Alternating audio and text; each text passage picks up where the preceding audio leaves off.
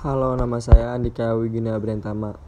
Di dalam sebuah negara, anggaran tentunya diperlukan untuk kelanjutan negara. Terkhusus di Indonesia, anggaran tersebut masuk ke dalam anggaran pendapatan dan belanja negara atau APBN. Anggaran tersebut merupakan rencana pengeluaran dan penerimaan negara untuk tahun mendatang yang dihubungkan dengan rencana dan proyek jangka panjang.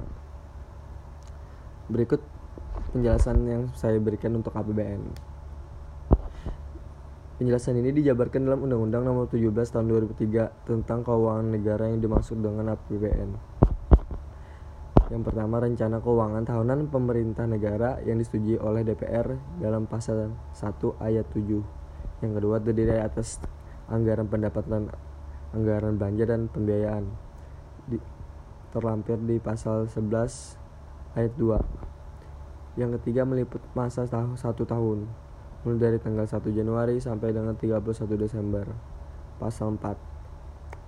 Yang keempat ditetapkan tiap tahun dengan undang-undang pasal 11 ayat 1. Dan yang terakhir mempunyai fungsi otorisasi, perencanaan, pengawasan, alokasi, distribusi, dan stabilisasi. Pasal 3 ayat 4. Jika mengacu pada pasal 23 ayat 1 1945 atau perubahan terdapat lima unsur dari APBN. Yang pertama, APBN sebagai pengelolaan uang negara. Yang kedua, APBN ditetapkan setiap tahun dan berlaku satu tahun. Yang ketiga, APBN ditetapkan dengan undang-undang. Yang keempat, APBN dilaksanakan secara terbuka dan bertanggung jawab. Dan yang kelima, APBN ditujukan untuk kemakmuran rakyat. Jadi, sumber APBN adalah rakyat, sehingga keberadaan rakyat harus dilakukan dalam sebuah perencanaan undang-undang. Dalam pengetapan dan pengesahan APBN dilakukan bersama-sama dengan DPR. DPR merupakan lembaga yang mempresentasikan rakyat dalam aturan negara atau kedaulatan.